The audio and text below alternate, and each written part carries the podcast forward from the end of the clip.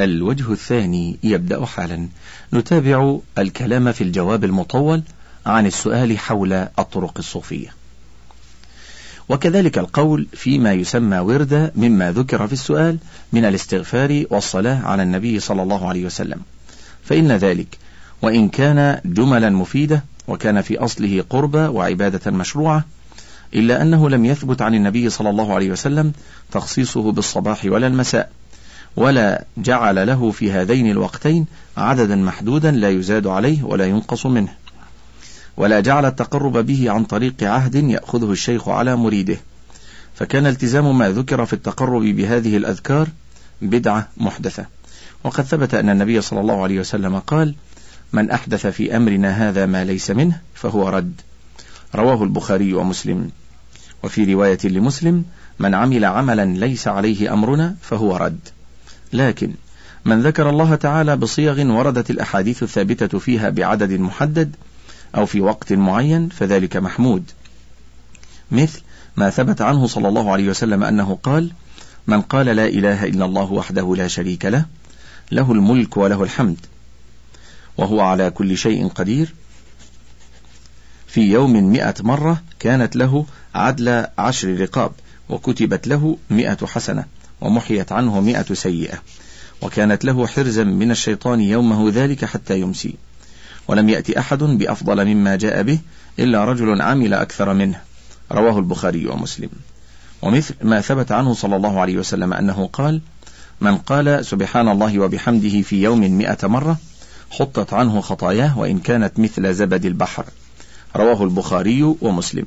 إلى أمثال هذا مما وردت النصوص فيه بتحديد زمن أو عدد. فتحري الزمان والعدد في مثل هذا مشروع ما لم يؤدي ويؤدى على كيفية محدثة وإلا كان بدعة مذمومة لما تقدم في صدر الجواب. وقد تنتهي بهم البدع إلى الاستعانة بالأموات والغائبين في تفريج الكربات وفي النهوض عند القيام ونحو ذلك. فيقعون في الشرك الأكبر. نسأل الله العافية والسلامة من ذلك. وبالله التوفيق. وصلى الله على نبينا محمد وآله وصحبه وسلم. سؤال أصحيح ما يقوله الناس أن الولي إذا مات ودفن في قبره تأتي الملائكة ويخرجونه من قبره ويصعد به إلى السماء؟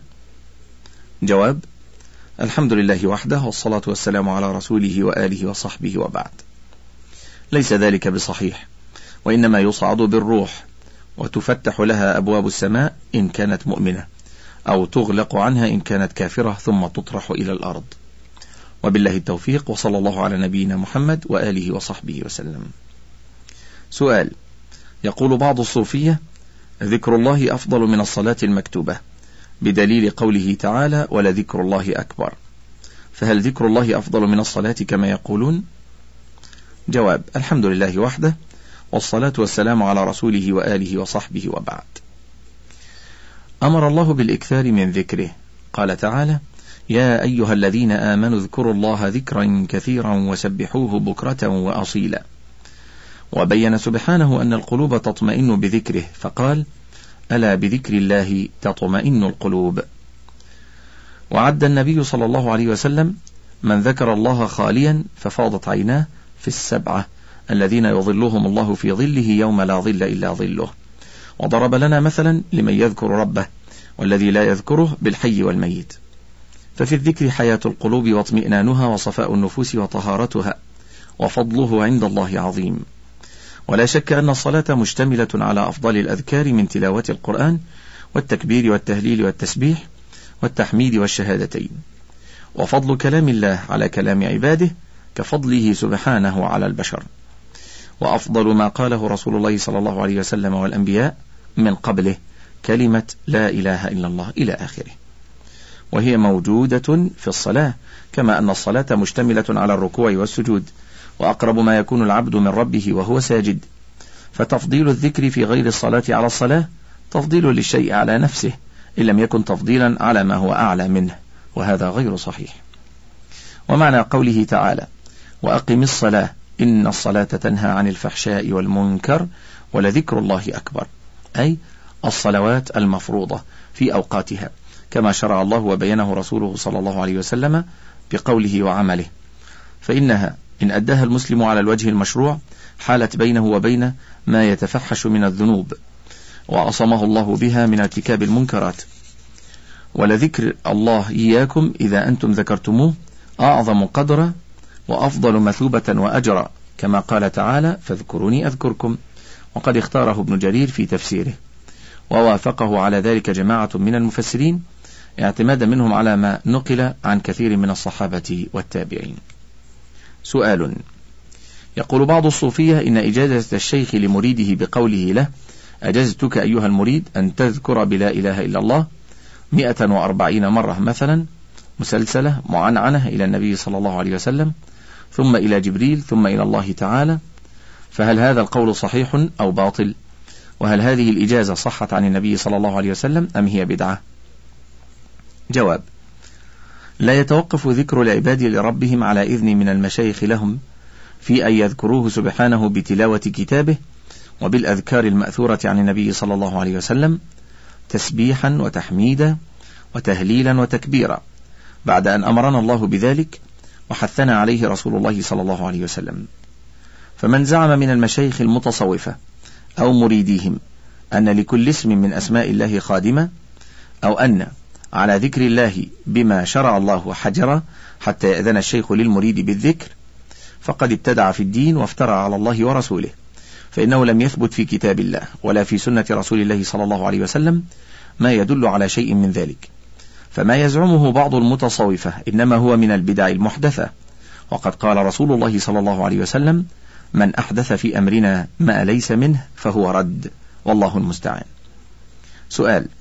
الطريقة المنسوبة إلى الشيخ عبد القادر وأبي الحسن الشاذلي هل يكون على الإنسان حرج إذا دخل فيها وانتسب إليها؟ وهل هي سنة أو بدعة؟ جواب. روى أبو داود وغيره من أصحاب السنن من طريق الأرباض بن سارية أنه قال صلى بنا رسول الله صلى الله عليه وسلم ذات يوم ثم أقبل علينا فوعظنا موعظة بليغة ذرفت منها العيون ووجلت منها القلوب. فقال قائل يا رسول الله كأن هذه موعظة مودع فماذا تعهد إلينا؟ فقال أوصيكم بتقوى الله والسمع والطاعة وإن تأمر عليكم عبد حبشي فإنه من يعش منكم بعدي فسيرى اختلافا كثيرا. فعليكم بسنتي وسنة الخلفاء المهديين الراشدين تمسكوا بها وعضوا عليها بالنواجذ وإياكم ومحدثات الأمور فإن كل محدثة بدعة وكل بدعة ضلالة. فأخبر رسول الله صلى الله عليه وسلم بأنه سيقع في أمته اختلاف كثير وتتشعب بهم الطرق والمناهج وتكثر فيهم البدع والمحدثات. وأمر المسلمين أن يعتصموا بكتاب الله وأن يتمسكوا بسنته ويعضوا عليها بالنواجذ. وحذرهم من التفرق والاختلاف واتباع البدع والمحدثات لأنها مضلة ومتاهات تتفرق بمن سلكها عن سبيل الله. فوصاهم بما وصى به عباده في قوله سبحانه واعتصموا بحبل الله جميعا ولا تفرقوا وقوله وأن هذا صراطي مستقيما فاتبعوه ولا تتبعوا السبل فتفرق بكم عن سبيله ذلكم وصاكم به لعلكم تتقون. فنوصيكم بوصية الله ووصية رسوله. وننصحكم بلزوم منهج أهل السنة والجماعة. ونحذركم ما أحدث أهل الطرق من تصوف مدخول وأوراد مبتدعة وأذكار غير مشروعة وأدعية فيها شرك بالله أو ما هو ذريعة إليه كالاستغاثة بغير الله وذكره بالأسماء المفردة وذكره بكلمة آه وليست من أسمائه سبحانه وتوسلهم بالمشايخ في الدعاء واعتقاد أنهم جواسيس القلوب يعلمون ما تكنه وذكرهم الله ذكرا جماعيا بصوت واحد في حلقات مع ترنحات وأناشيد إلى غير ذلك مما لا يعرف في كتاب الله وسنة رسوله صلى الله عليه وسلم.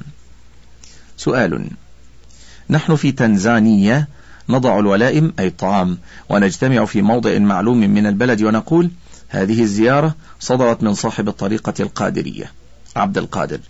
فهل هذا الأمر من البدع أو من سنة رسول الله صلى الله عليه وسلم؟ وهل فيه حرج أي إثم؟ لأننا لا نعمر المساجد حتى تعمل هذه الزيارة. وقراءة مولد النبي صلى الله عليه وسلم في احتفال عظيم بسبب ذلك. هل هذه الأمور فيها حرج أو لا؟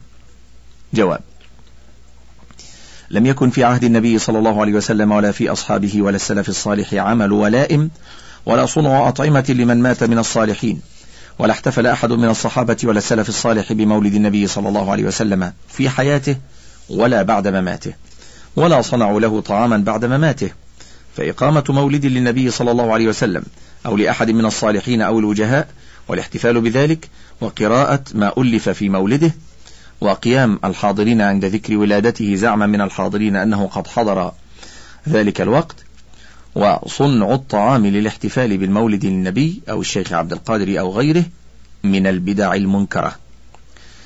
واحترام النبي صلى الله عليه وسلم وحبه في اتباعه والسير على شريعته. قال الله تعالى قل إن كنتم تحبون الله فاتبعوني يحببكم الله ويغفر لكم ذنوبكم والله غفور رحيم. واحترام الصالحين وحبهم يكون بمتابعتهم فيما وافق هدي رسول الله صلى الله عليه وسلم وسنته. فالواجب على المسلمين أن يلزموا سنة نبيهم وسنة الخلفاء المهديين الراشدين من بعده ويقتفوا آثارهم وأن يحذروا الغلو في الصالحين وإطراءهم. فقد قال النبي صلى الله عليه وسلم لا تطروني كما أطرت النصارى ابن مريم فإنما أنا عبد فقولوا عبد الله ورسوله. أخرجه البخاري في صحيحه. وقال إياكم والغلو في الدين فإنما أهلك من كان قبلكم الغلو. وبالله التوفيق وصلى الله على نبينا محمد وآله وصحبه وسلم. سؤال هل يجوز أن تدعو الله بياهو يعني الله ضميرا مستترا تقديره هو الله؟ جواب الحمد لله وحده والصلاة والسلام على رسوله وآله وصحبه وبعد. ضمائر المتكلم والخطاب والغيبة كناية عن المتكلم أو المخاطب أو الغائب مطلقة فليست أسماء لله لغة ولا شرعا لأنه لم يسم بها نفسه فدعاؤه بها تسمية ونداء وذكر له بغير أسمائه فلا يجوز ولأنه إلحاد في أسمائه بتسميته بما لم يسم به نفسه. ونداء له ودعاء بما لم يشرعه. وقد نهى سبحانه عن ذلك فقال ولله الأسماء الحسنى فادعوه بها وذروا الذين يلحدون في أسمائه سيجزون ما كانوا يعملون. وبالله التوفيق وصلى الله على نبينا محمد وآله وصحبه وسلم. سؤال إني من شمال إفريقية أعمل هنا في المملكة وأطلب من سماحتكم أن ترشدني إني متصوف ولي شيخ قد أمرني بالتسبيح بعد كل صلاة صبح وبعد المغرب لكن يوجد لدى جماعته حلقات ذكر. هذه الأذكار تبتدئ بعد صلاة العشاء وهي على النحو التالي يبدأون بذكر الاسم الأعظم وهو الله بالمد والتعظيم وبعض الأذكار ثم بعد ذلك ترنم في السطحة قياما قائلين الله حتى يذوب اللفظ بالله ونبقى نقول آه آه. هذا الشيء قائم في طريقي لكن أصبحت مفتونا مثل بعض أصحابي ويكننوننا بحزب الكتة. رجائي أن ترشدوني عن هذا الذكر هل هو صحيح أسير فيه بدون شك أم أتخلى عنه؟ إن هذه الكتة كما يقولون لي لنا ليست موجودة لا في الكتاب ولا في السنة. جواب الحمد لله وحده والصلاة والسلام على رسوله وآله وصحبه وبعد. لا يجوز لك أن تأخذ عن الشيخ الذي ذكرت حاله ولا أن تذكر الله بهذا لأنه من البدع المحدثة في الدين. وعليك أن تذكر الله بالأذكار الثابتة عن النبي صلى الله عليه وسلم بعد الصلوات الخمس وفي غيرها من الأوقات حسب ما في كتب الحديث الشريف. لقول الله تعالى لقد كان لكم في رسول الله أسوة حسنة لمن كان يرجو الله واليوم الآخر. ومن ذلك ما ذكر في عمدة الحديث للشيخ عبد الغني ابن عبد الواحد المقدسي ومنتقى الأخبار للماجد بن تيمية وبلوغ المرام للحافظ ابن حجر رحم الله الجميع. وبالله التوفيق وصلى الله على نبينا محمد وآله وصحبه وسلم. سؤال أنا من الحدود المصرية السودانية وفي هذا المكان توجد طرق صوفية كثيرة من الذين ضلوا الطريق وأضلوا الناس. وهناك بعض الناس يؤخرون أضحيتهم إلى ما بعد العيد بثلاثة أيام ليأكلها هؤلاء الصوفية الذين يأتون ليقيموا شعائرهم الكاذبة ويظنون بهذا أنهم يفعلون شيئا من الدين. فهل أضحيتهم صحيحة أم هي شاة لحم كما في الحديث؟ جواب الحمد لله وحده والصلاة والسلام على رسوله وآله وصحبه وبعد. ما ذكرت من أن جماعة الطرق الصوفية مبتدعة وأنهم ضالون مضلون هو الحق. وما أعد للضحية من الأنعام وأخر ذبحه إلى ما بعد العيد بثلاثة أيام فلا يعتبر ضحية لأن أقصى مدة الذبح للضحية أربعة أيام منها يوم العيد. بل هي لحم قدمه لضيوفه تكريما لهم وتعاونا معهم على نشر البدع وترويجها وذلك من التعاون على الإثم والعدوان. وبالله التوفيق وصلى الله على نبينا محمد وآله وصحبه وسلم. سؤال هل طريقة الذكر الموجودة بين أهل الطرق الصوفية الآن صحيحة أم خاطئة؟ وهل وردت في السنة؟ وإن كانت واردة فما الأحاديث الدالة على ذلك؟ لأنها تثير مشكلات كثيرة بين الناس. جواب الحمد لله وحده والصلاة والسلام على رسوله وآله وصحبه وبعد. أذكار أهل الطرق الصوفية جماعة بصوت واحد بالترنح والتمايل من البدع المحدثة. وقد ثبت عن النبي صلى الله عليه وسلم أنه قال من أحدث في أمرنا هذا ما ليس منه فهو رد. رواه البخاري ومسلم. وقال عليه الصلاة والسلام من عمل عملا ليس عليه أمرنا فهو رد. رواه الإمام مسلم في صحيحه.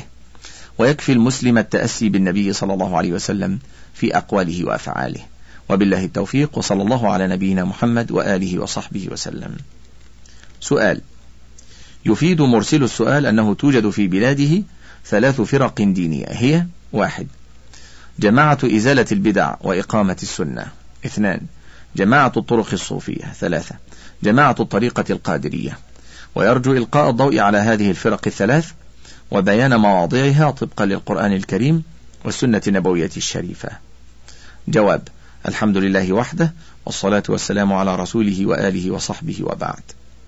أولا من كان يدعو إلى كتاب الله تعالى وإلى ما ثبت عن رسول الله صلى الله عليه وسلم من الأحاديث ويعمل بذلك في نفسه وينكر ما خالف ذلك ويجتهد في إزالة ما أحدث من البدع ويتعاون مع أهل السنة ويواليهم ويعادي أهل البدع وينكر عليهم ما ابتدعوه في الإسلام على بينة وبصيرة فهو من أهل السنة والجماعة. ثانيا الطرق الصوفية طوائف شتى منها التيجانية القادرية الخلوتية إلى آخره ولا تخلو طائفة منها من البدع وإن تفاوتت في ذلك فمنها المقل ومنها المكثر. ثالثا الشيعة فرق كثيرة تزيد على العشرين فرقة.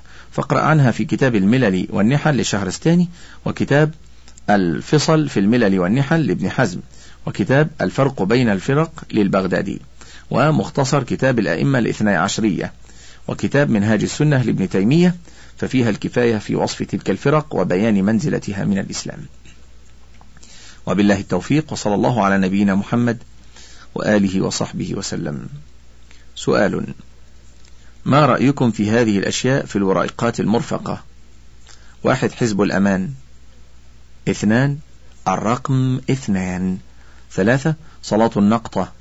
أربعة الصلاة المسماة باللاهوتية.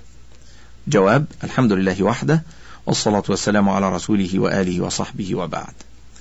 ما ذكر في الورقة المرفقة بسؤالك مما يسمى حزب الأمان وصلاة النقطة والصلاة المسماة باللاهوتية إلى آخره من بدع المتصوفة والتعبد به غير مشروع. وبالله التوفيق وصلى الله على نبينا محمد وآله وصحبه وسلم. سؤال. في الحي الذي أسكن فيه يوجد مسجد وتوجد زاوية تابعة لطريقة صوفية. هل تجوز الصلاة في هذه الزاوية؟ جواب الحمد لله وحده والصلاة والسلام على رسوله وآله وصحبه وبعد. لا تصلي مع هؤلاء الصوفية في زاويتهم واحذر صحبتهم والاختلاط بهم لئلا يصيبك ما أصابهم.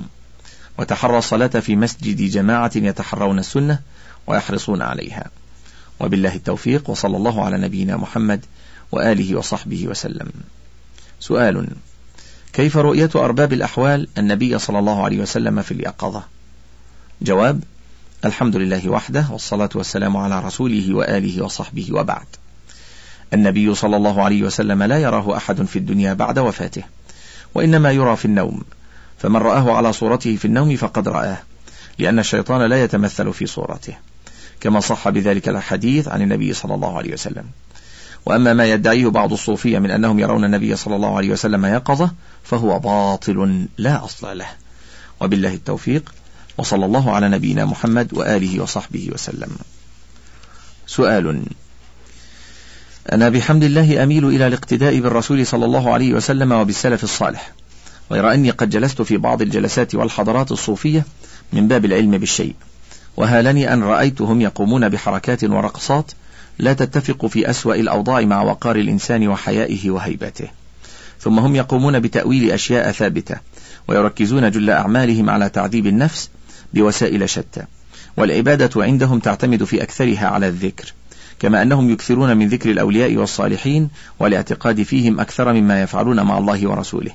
كما أن لهم بعض الآراء وأكثر هذه الآراء ينهش في السلف الصالح المتمسك بسنة رسوله حق التمسك. على أن لهم بعض الآراء التي تتفق وصحيح السنة كما فهمها السلف الصالح. وقد جلست مع هؤلاء القوم أكثر من مرة لمحاولة معرفة خبايا هذا العالم وأكثر هؤلاء القوم من فئات اجتماعية ممتازة فمنهم أساتذة الجامعة والأطباء والمهندسون والموظفون ومنهم أناس عاديون وبهم شباب كثيرون أيضا. فهل آثموا بالجلوس معهم رغم ما أسلفت؟ كما أرجو من فضيلتكم أن توضحوا الصورة حول هذه المذاهب الصوفية واعتقاداتها خاصة أنها أصبحت تتخذ صورا منظمة ذات هيئات ومنظمات معترف بها من قبل الدولة. جواب الحمد لله وحده والصلاة والسلام على رسوله وآله وصحبه وبعد. المعروف عن جميع طوائف الصوفية وفرقهم أنهم يذكرون الله أذكارا بدعية فيرقصون أو يترنحون ويتمايلون يمنة ويسرة وأعلى وأسفل. ويسمون الله في ذكرهم بغير ما سمى به نفسه وبغير ما سماه رسوله صلى الله عليه وسلم. مثل هو هو هو. ومثل آه آه. ويذكرون ويذكرونه بالاسم مثل الله الله الله. وبما يسمونه الذكر القلبي كما يفعله النقشبندية ويذكرونه بما ذكر جماعة بصوت واحد ويستغيثون في أذكارهم بالأموات والغائبين فيقولون مدد يا أبا العباس مدد يا دسوقي. وذلك شرك يخرج من ملة الإسلام. ويعتقدون في مشايخهم أن لديهم علما لدنيا يطلعون به على الغيبيات وأن لهم أسرارا يتصرفون بها وراء الأسباب العادية. وننصحك بقراءة كتاب هذه هي الصوفية للشيخ عبد الرحمن الوكيل لتعرف الكثير من بدعهم وجالس من تعرف عنه أنه يتمسك بالكتاب والسنة وينكر البدعة. وبالله التوفيق وصلى الله على نبينا محمد وآله وصحبه وسلم. الفرق سؤال عن موقف المسلم من الفرق لقد ظهرت الآن فرق كثيرة مثل فرق الصوفية المتعددة الشاذلية الإبراهيمية القاديانية إلخ فما موقف الإسلام من هذه الفرق؟ وما موقفنا نحن كمسلمين نحوها؟ ونحو ما ينشره أتباعها من أفكار فاسدة تسيء إلى الدين الإسلامي.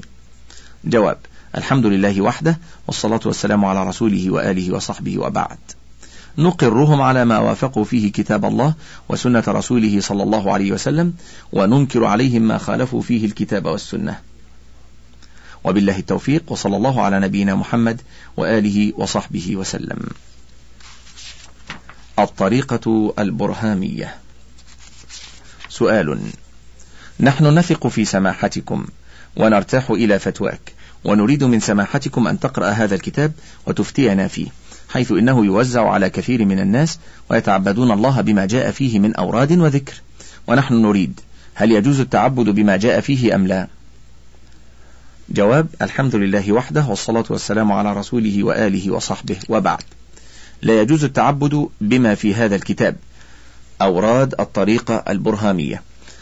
لما في ذلك من قراءة القرآن للأموات بل لأموات مخصوصين يتوقع أنه قرئت لهم رجاء بركتهم كما في فواتح أهل السلسلة. وفيه من البدع جعل قراءة الفواتح لهؤلاء مفتاحا للأوراد ولما في الأساس الذي يقرأ بعد الصبح وبعد العصر من بدعة تحديد الوقت لهذا الذكر وتحديد عدد مئة مرة للبسملة وعدد مئة مرة للذكر بكلمة يا دائم. فإنه لم يثبت عن النبي صلى الله عليه وسلم أن جعل حدا لذلك من الوقت أو العدد بل لم يثبت عنه أنه تقرب إلى الله بتكرار البسملة مجردة ولا أنه ذكر الله بكلمة يا دائم مجردة. ولما جاء فيه من التوسل بالعرش والكرسي والنور النبوي في الدعاء وذلك تحت عنوان التحصين الشريف والغوثية. ولما جاء في الحزب الكبير من ذكر وأدعية بدعية ومن التوسل بالحروف المقطعة في أوائل السور وبأسماء مجهولة المعنى غير عربية مثل كد كد كردد كردد كرده كرده ده ده بها بها بها بهيا بهيا بهيا بهيات بهيات بهيات. ولما جاء في صلاة ابن مشيش من الكلمات المنكرة مثل قوله في النبي صلى الله عليه وسلم ولا شيء إلا وهو به منوط إذ لولا الواسطة لذهب كما قيل الموسوط. وقوله في الدعاء وانشلني من أوحال التوحيد وأغرقني في عين بحر الوحدة حتى لا أرى ولا أسمع ولا أجد ولا أحس إلا بها. إلى آخره.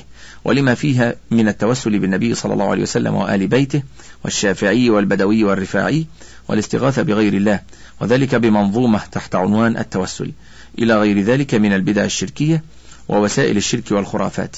وعلى هذا فلا يجوز التعبد بهذه الأوراد وعلى كل مسلم أن يتعبد بما ثبت التعبد به عن النبي صلى الله عليه وسلم من تلاوة القرآن والأذكار والدعوات الثابتة عنه في سننه.